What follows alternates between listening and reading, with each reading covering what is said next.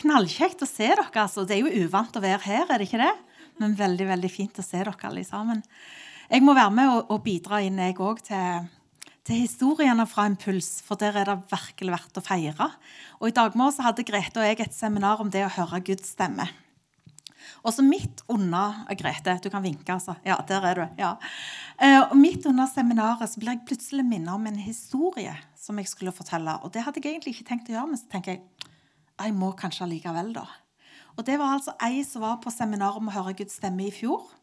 Eh, og det som jeg, jeg, visste ikke om det da, men hun fortalte meg et par måneder seinere at hun kom inn og så satte hun seg ned, fordi da var det iallfall en plass å sitte. For hun var så veldig veldig dårlig. Hun hadde hatt ME lenge, og hun var sliten. og Hun hadde hjernetåke, og hun verket i kroppen, hun hadde vondt i hodet. Og hun fikk ikke med seg noen ting, sa hun. Det var nesten så hun klarte ikke å høre hva som ble sagt engang. Så bare satt du der og tenkte ja, ja, jeg får bare sitte her, da. Under seminaret. Jeg bare blir her. Og så har jeg ikke noen ambisjoner om å huske noe eller forstå noe av det som blir sagt. Og så fortalte hun uka etterpå så hadde hun vært på skolen sin, som var en, en kristen internatskole, og de hadde morgensamling. Og så mens de sto der og, og hadde lovsang, så plutselig så kjenner hun en sånn enorm smerte i ene kneet. Sånn stikkende smerte inn i kneet. Så tenkte hun det var jo rart. Jeg hadde jo ikke vondt i kneet før. Hva kan det være for noe? Hm. Tror om det kan være sånn kunnskapsord som de snakket om på seminaret. Altså at vi får informasjon om, fra Gud om en person eller en hendelse eller en situasjon. Så snur hun seg, eller Først så spør hun da Gud du, um, er det noe du vil si til noen. Og så opplevde hun at du skulle spørre hun som sto ved siden av. Og det gjorde hun. Så snudde hun seg sånn. Du, uh, litt usikker på dette, men lurer kanskje på om Gud sa noe til meg. og sånn, Så jeg fikk plutselig vondt i kneet, men det er ikke mitt. Er det ditt? og så sier hun ja, jeg har dritvondt i kneet. og det er en sånn stikkende smerte, og så beskriver hun nøyaktig det som hun hadde kjent. Og så fikk hun be for henne, og så ble hun helbredet. Og så er det en helt fantastisk ting å høre, men så delte jeg det, og så gikk jeg videre i seminaret. Og så når jeg var ferdig, så kommer det altså ei springende inn. Hun hadde ikke vært på seminaret, men hun kommer springende inn, så kommer hun bort til meg. Og så gir hun meg en klem, og så sier hun 'Det var jeg som var på seminaret i fjor.' Hun, 'Det var jeg som opplevde det, og jeg kjente henne igjen.' Så sier jeg 'Jeg visste ikke du var her'. Så jeg var ikke på seminaret heller, men jeg tenkte jeg måtte bare gå inn og si at det seminaret på Impuls, det forandra hvordan jeg lever livet mitt med Jesus så tenker jeg det er så utrolig lett å tenke at det er et blaff, det er ei helg, det er et eller annet som skjer i øyeblikket, og så er det ikke mer. Men noen har begynt sin vandring med Jesus, og andre har fått verktøy for hvordan de skal leve livet sitt med Jesus. Er ikke det fantastisk? Kom an, Gud er god. Jeg ble så godt presentert. vet du. Det var veldig veldig fint gjort. Og så må jeg si at jeg er gift med Thomas, som er der borte. Nå kan du vinke. Ja, fint det. Det tok sin tid, men etter 30 år, ja. og så har vi fire barn sammen. Eh, I alderen 22 til 28 år. Og alle har flytta ut, og de kommer hjem når de er sultne. Og vi bor i provinsen, det vil si på Sandnes. Og så liker jeg jo å skrive da, og har gitt ut et par bøker, og senest i oktober. Og det er altså den jeg skal snakke om nå i dag. Så hvis dette temaet engasjerer deg, så plukk med deg en bok ute på gangen der. Um, på vei ut. Og hvis du ikke trenger den sjøl, så er jeg temmelig sikker på at du kjenner noen som trenger akkurat den. Som har det vanskelig, og som venter på at Gud skal gripe inn. I fjor sommer markerte altså ti år for oss for noe som radikalt forandra livet vårt. Og jeg sa at vi har fire barn. Minstemann er eh, han var veldig, veldig syk fram til han var tolv år. Og Da ble han bedt for, og så ble han helbreda. Og det er jo helt fantastisk. Historien om Adrian er det kanskje noen som har hørt allerede. Han er nå 22 år og har altså fått liv i gave. Og hvis det er noen som tenker lenge siden jeg har sett han på IMI, så er det helt riktig, for dette året er han ute og reiser i Sørøst-Asia. Mm. Det var ikke bare han som fikk livet i gave. Det fikk på mange måter vi òg. Og etter hvert så letta altså den sorga som hadde ligget som et blått slør over hele livet vårt, og som hadde prega alt det vi opplevde. Og vi, vi fikk erfare at denne, denne uforbeholdne gleden, da, uten å frykte at den snart kom til å bli tatt fra oss. For det var det vi var vant med. Og så høres det jo ut som om livet var lyst og lett, ikke sant?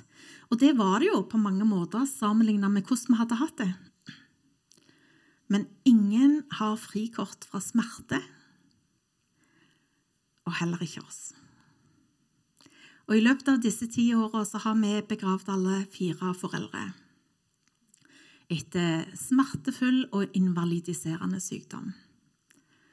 Og vi ba for dem mye. Og det er også sånn at Thomas, som dere så her framme, han eh, hadde ei ulykke og har etter hvert hatt en hel haug med operasjoner. Vi har gått i surr på hvor mange, men det er iallfall åtte. Og der har det vært mye forskjellig. Det har vært feildiagnostisering og mislykka operasjoner, smerter, søvnløse netter, amputasjoner og reservedeler. Livet er ikke for pyser. Ba vi? Ja, hele tida. Hva skjedde med dette lyse og gode livet? Skulle ikke livet med Jesus være en sånn sammenhengende opptur? I hvert fall ifølge et profetisk ord som jeg fikk for noen år siden. Da var det en ung mann som kom til meg og så sa han det. Jeg bare opplever at Gud sier at du skal gå fra fjelltopp til fjelltopp uten å gå gjennom dalsøkket imellom. Gud fører deg fra fjelltopp til fjelltopp. Og så visste jeg jo med det samme at det ikke stemte. Hva betyr det? Skulle jeg kaste vrak på det profetiske ordet, da? Nei, skulle ikke det. For jeg er kongelig presteskap, jeg òg, på lik linje med han. Så jeg kunne bedømme hva var det som var fra Gud, og hva var det som var menneskelig oppi dette her. Og den guddommelige sannheten da, var at Gud ville føre meg fra fjelltopp til fjelltopp uten hengebro.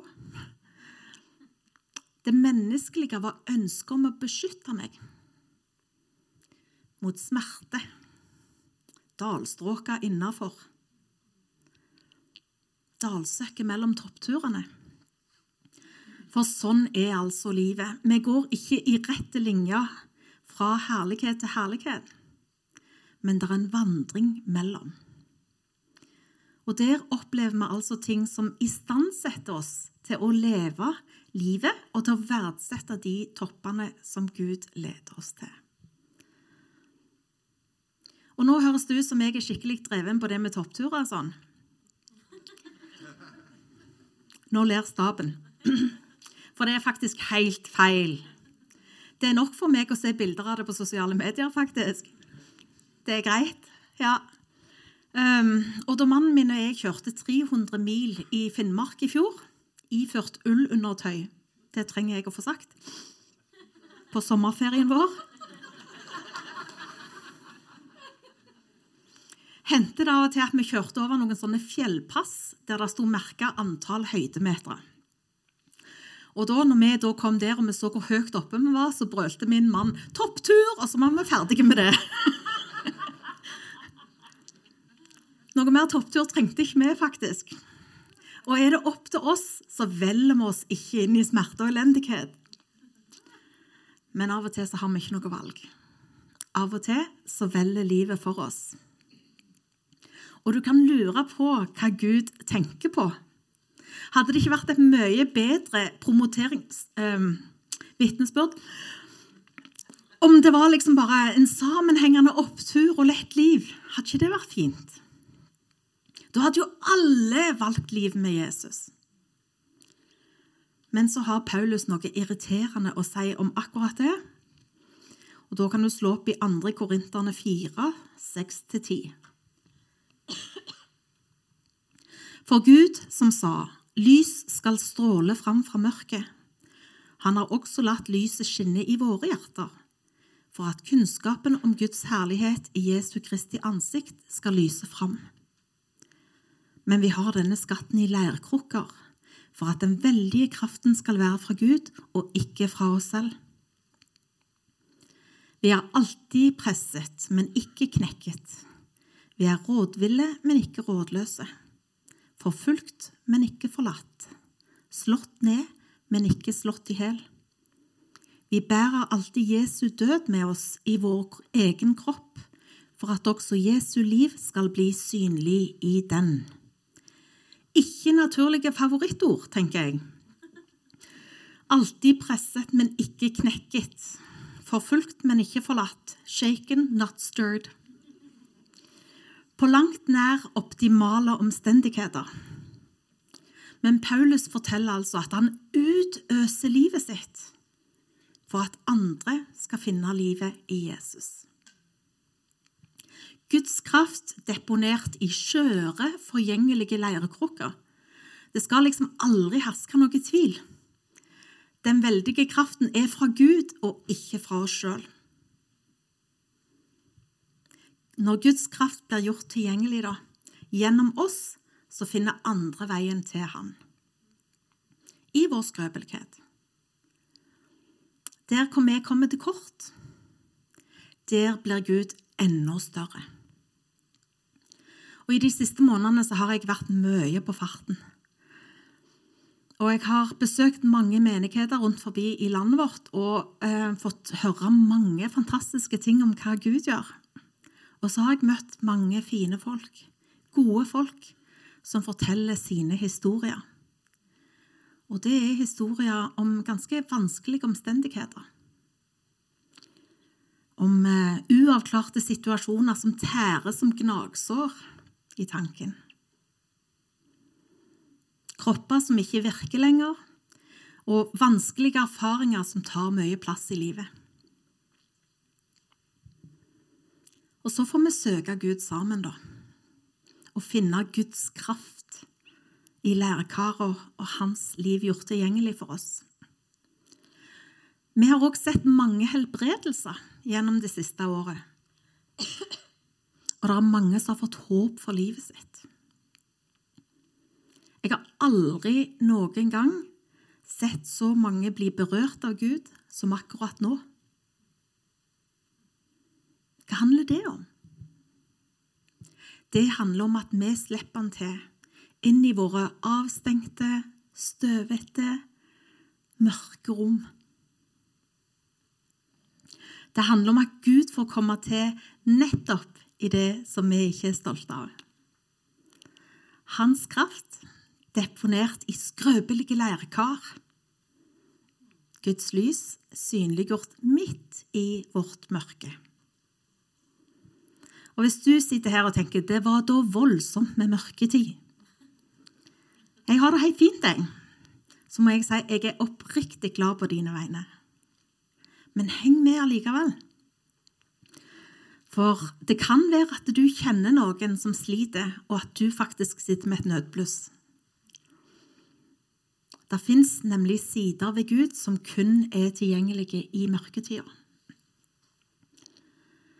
I saligprisningene sier Jesus i Matteus 5,3.: Salige er de som er fattige i ånd, for himmelriket er deres.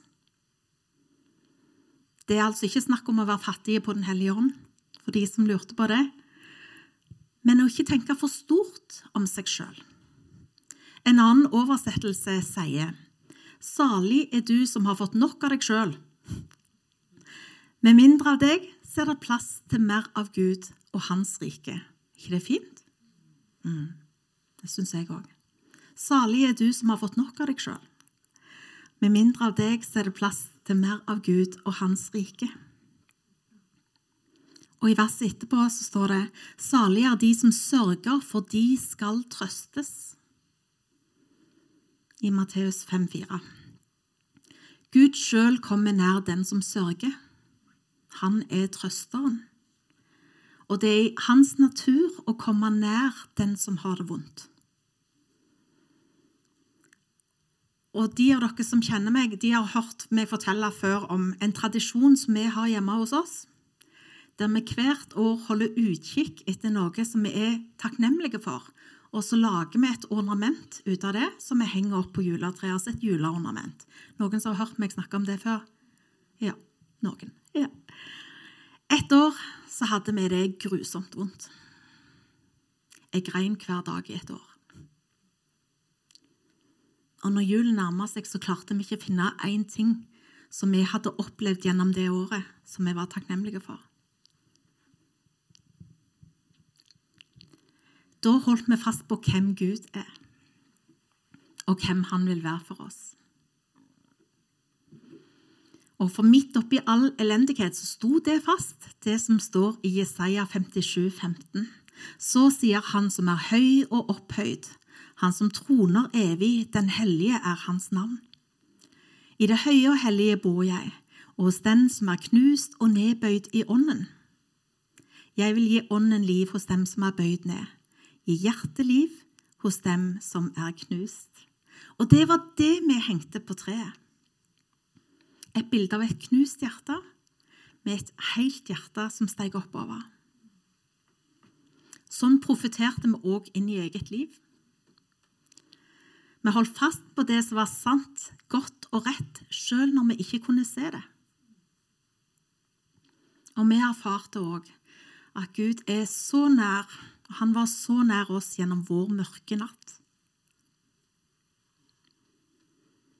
I perioder når vi ikke kunne se han, så møtte vi Gud på en ny måte. Nesten fysisk. Og hans nærvær omslutta oss på en måte som vi ellers aldri har opplevd. Vi hadde opplevelser med Gud som prega oss inn i sjela. Og ett år seinere opplevde vi òg at Gud helbreda våre sønderknuste hjerter. Hadde vi valgt mørketida hvis vi kunne unngå det?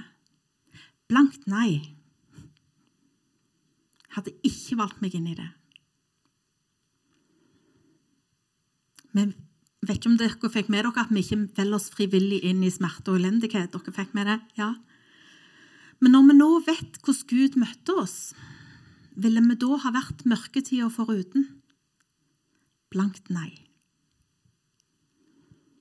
Vi ville aldri ha vært uten de erfaringene som vi hadde med Gud i den tida der.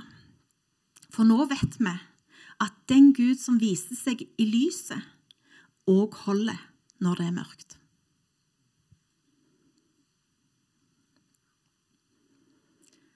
Jeg møter en del mennesker som gir uttrykk for at det, um, Gud er god fordi livet er godt. Og Da blir jeg litt mistenksom så må jeg spørre litt ekstra. For er det sånn at livet er godt fordi Gud er god, da kan jeg langt på vei være med på tanken. Det er fint, det. Men hvis resonnementet er sånn at jeg har et godt og ukomplisert liv, ergo er Gud god, ja, da sliter jeg. For det er ubibelsk. Og det er altså ikke sånn at Gud har lovt deg et ukomplisert liv. Tvert imot. Du er altså garantert å bli pressa, men ikke knekka. Forfulgt, men ikke forlatt. Shaken. Du vet hva jeg mener. Guds løfte til deg er at han skal gå med deg uansett hva du går gjennom. Betyr det da at vi ikke skal be om under? At vi ikke skal be om hans overnaturlige inngripen i våre liv i vanskelige situasjoner? Nei, det skal vi gjøre. Det er etter hans vilje at vi søker han, og han har lovt å være nær. Og du må bare ikke tro at du er mer hellig, eller at du er mer høyhellig i din tro, om du lar være å si hva du trenger til Gud. Bare kom med det. Han er din far. Han vil møte deg der du er. Brøl ut din smerte til Gud hvis det er det du trenger.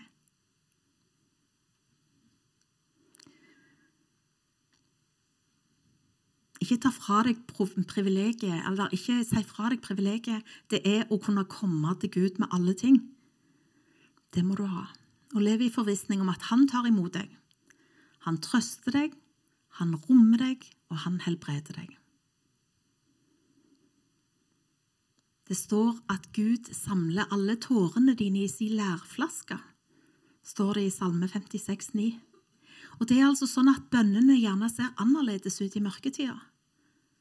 enten det er tårer eller fysiske uttrykk, som Gud tar imot som din bønn. Så hvis du er tomme for ord, så er det helt greit, det. Gud tar imot deg med det du kommer med. Han er den som gir ånden liv og helbreder knust hjerte. Jeg gir deg skatter som er skjult i mørket, og rikdommer gjemt på hemmelige steder, for at du skal kjenne at jeg er Herren, som kaller deg ved navn, Israels Gud, står det i Jesaja 45, 45,3. Og Gud har altså skatter og rikdommer som du kun kan oppdage i mørketida. Det er når du har fått nok av deg sjøl, at det er plass til mer av Han og Hans rike. Mørketid er ventetid, og ventetid eh, skal altså ha et innhold og en retning. Og det er da du får møte sider av Gud som ikke er tilgjengelige når livet er lyst. Og det vil du ikke gå glipp av.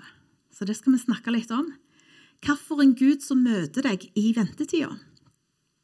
Og igjen, hvis det ikke er den sesongen du er inne i akkurat nå, så ta det med deg allikevel. For jeg kan garantere deg at på et eller annet tidspunkt i livet ditt så får du bruk for det. Og hvis du syns det var krevende å tenke på, så tenk at det er sikkert noen andre som trenger det, og som du kan komme med det til. Er det greit? Ja. Ventetida kan være litt ensomme. Og det kan være vanskelig å omgås folk som ikke vet hvordan du har det. Og så er det så viktig at du søker til fellesskapet allikevel. Ikke trekk deg vekk når du har det, har det vondt, men len deg inn. Del livet sammen med andre. Men sjøl når du opplever deg alene, så skal du vite at Gud er nær. Det er når du er fortvila som Hagar, som Eh, der du møter den Gud som ser deg. Det står det om i første Mosebok 16, 13. Da satte hun dette navnet på Herren som hadde talt til henne. Du er en Gud som ser meg. For hun sa, har jeg her virkelig sett ham som ser meg? Du møter en Gud som ser deg, heiler deg, og som ikke vender blikket vekk. Gud, full av nåde og sannhet, ser deg. I første Mosebok 22, 13-14 så står det Abraham var på vei til offerstedet da Gud selv sørget for væren som skulle ofres. Abraham kalte stedet Herren ser. Herren ser. Han ser hva du trenger. Han forsørger deg, og Gud er din forsørger. Det er når du ikke har, at du møter den Gud som forsørger deg. Lukas 5, 31. Jesus sa, 'Det er ikke de friske som trenger lege, men de syke.' Og I denne sammenhengen som han sa det, så pekte han på at det er de som har innsett at de ikke er nok i seg sjøl, som kan ta imot Jesus. Men det er like fullt sant og helt sånn bokstavelig talt. Det er aldri du trenger en lege mer enn når du er syk. Og Gud er vår lege. Andre Mosebok 15, 26. For jeg, Herren, er den som helbreder deg.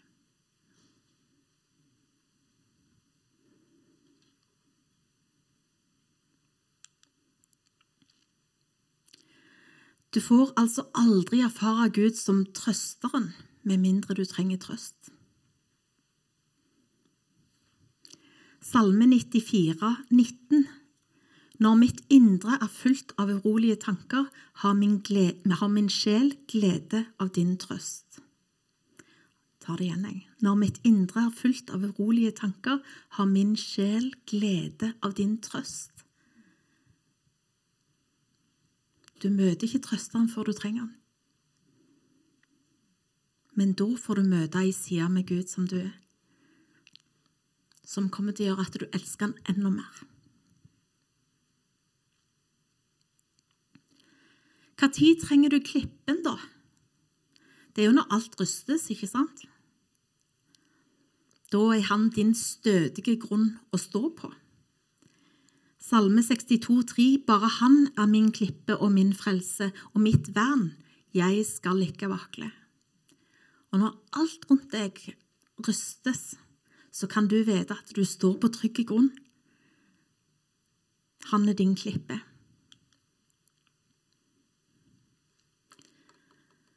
Når alt syns håpløst, så er det altså håpets Gud som fyller dere med all glede og fred i troen, står det i Romerbrevet 15,3, så dere kan bli rike på håp ved Den hellige ånds kraft.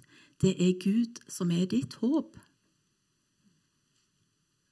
Ditt håp er ikke flyktig eller forgjengelig. Det er Han som er ditt håp. Går det greit med dere? Dere er veldig stille. OK? OK.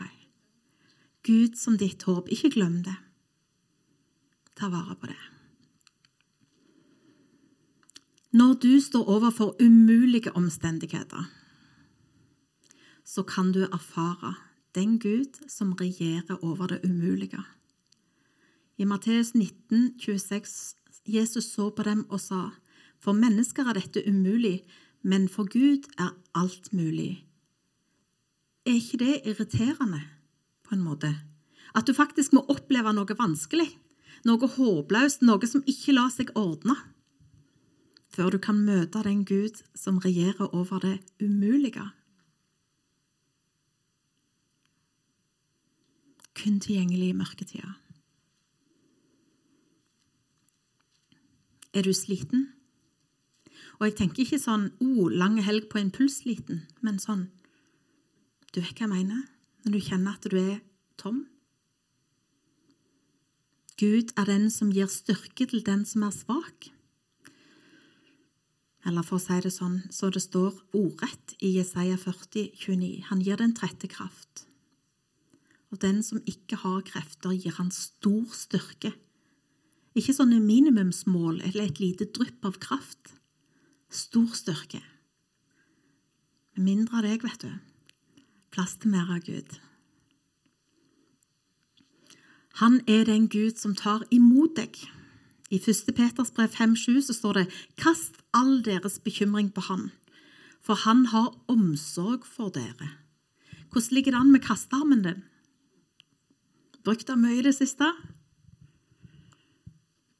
Har du kasta noen bekymringer på Gud? For han står klar for å ta imot dem. Det var faktisk aldri meninga at du skulle bære dem og Gud har omsorg for deg.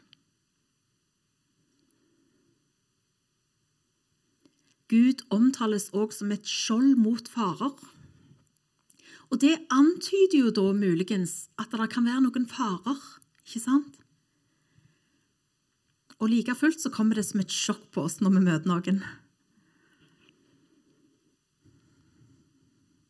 Men i møte med vanskeligheter så er han ditt skjold ditt tilfluktssted, ditt vern i nøden. I Salme 18,3 så står det Herren er mitt berg og min borg og min befrier. Min Gud er klippen der jeg søker tilflukt. Han er mitt skjold og min frelse, min styrke og mitt vern. Som Guds barn, og jeg vet at dette her kommer ikke dere til like men som Guds barn så er du ikke heva over vanskeligheter. Du er fortsatt et skrøpelig lærkar uansett hvor mange mil du har på Strava.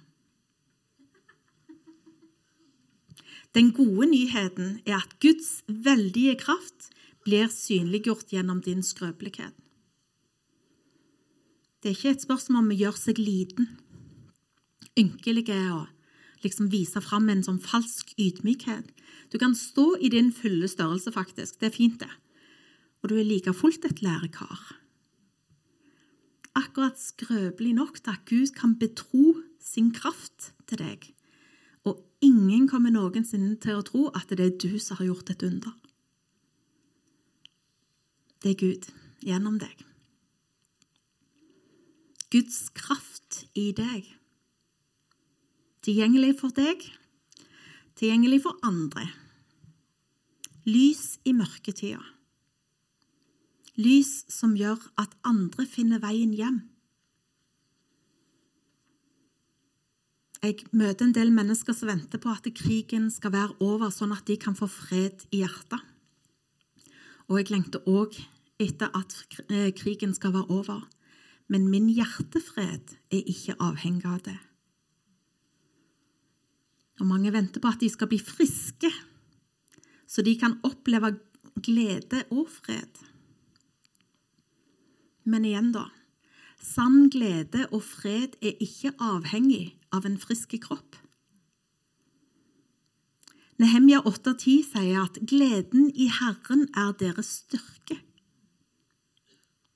Når vi ikke lenger er nok i oss sjøl, så vil vi glede oss over hvem Han er.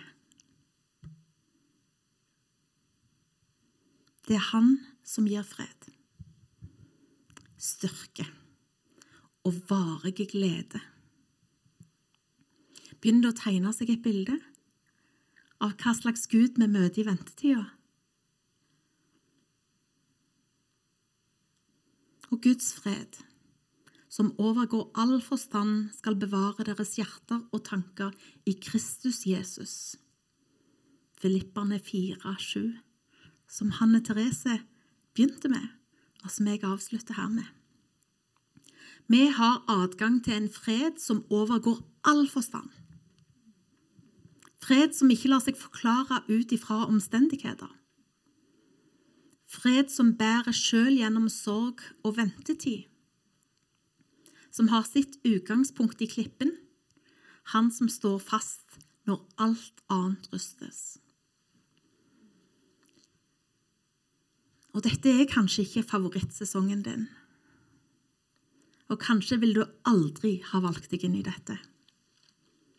Men nå er du her. Og Gud er her. Hva er det han møter deg med? Hva er det du har tilgang til akkurat nå fordi du er her? Hva er det som blir gitt i hendene dine og deponert i hjertet ditt i denne sesongen, som du ellers ville ha gått glipp av hvis livet var plankekjøring? Hva forberedes du for? Ikke gå glipp av det. Pay attention. God is up to something big, and he's preparing you for it, var det noen som sa. Du forberedes i ventetida. Du forberedes for det som ligger foran. Hold blikket ditt festa på Jesus. Klippen freden, styrken, håpet, gleden, vernet, nåden. Er Gud som gjør seg tilgjengelig for deg akkurat der du er nå. La oss reise oss opp, så vil vi be sammen.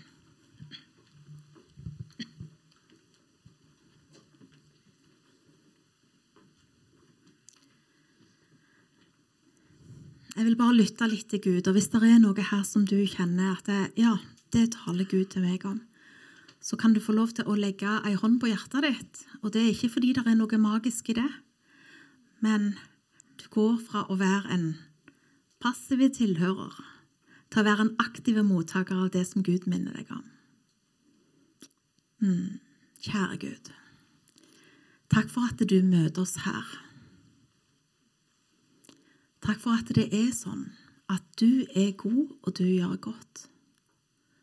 Takk for at når du kommer med ting, så er det bare gode gaver.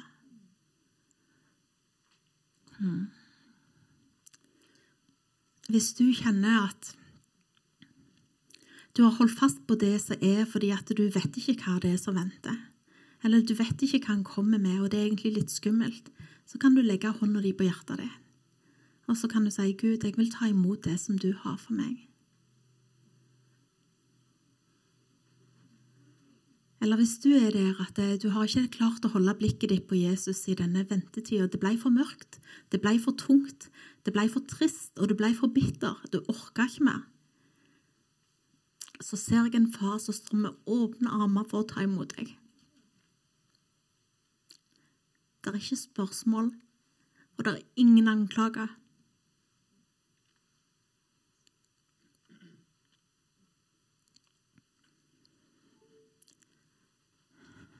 Og hvis du kjenner at vet du hva, jeg må bare svare på mine spørsmål først, så, så skal jeg følge deg, Jesus. Så skal jeg gå der som du kaller meg til.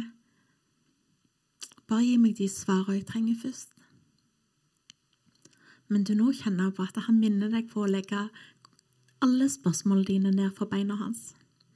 Og da bare ta imot han sånn som han kommer akkurat nå. Så kan du legge hånda på hjertet ditt.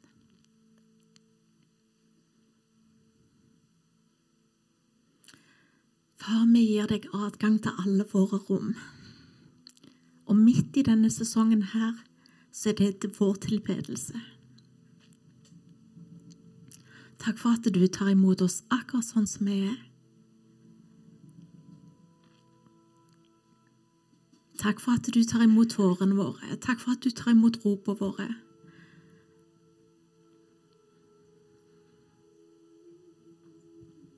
Far, vi er så takknemlige for ditt nærvær.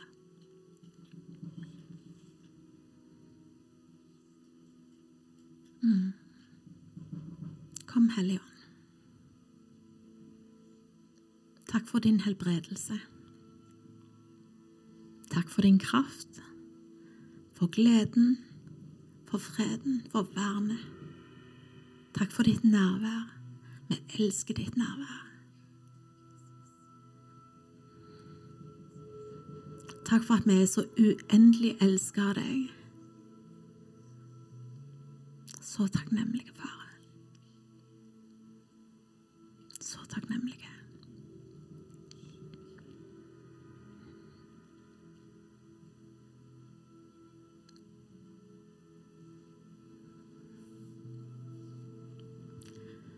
Vi vil fortsette å være i dette nærværet og bare tilbe. Allerede nå så vil jeg si at hvis det er ting som du kjenner at Gud minner deg på, som jeg ikke nevnte her nå, så gå til forbønn etterpå. La noen få stå sammen med deg og be inn i det som Gud minner deg om.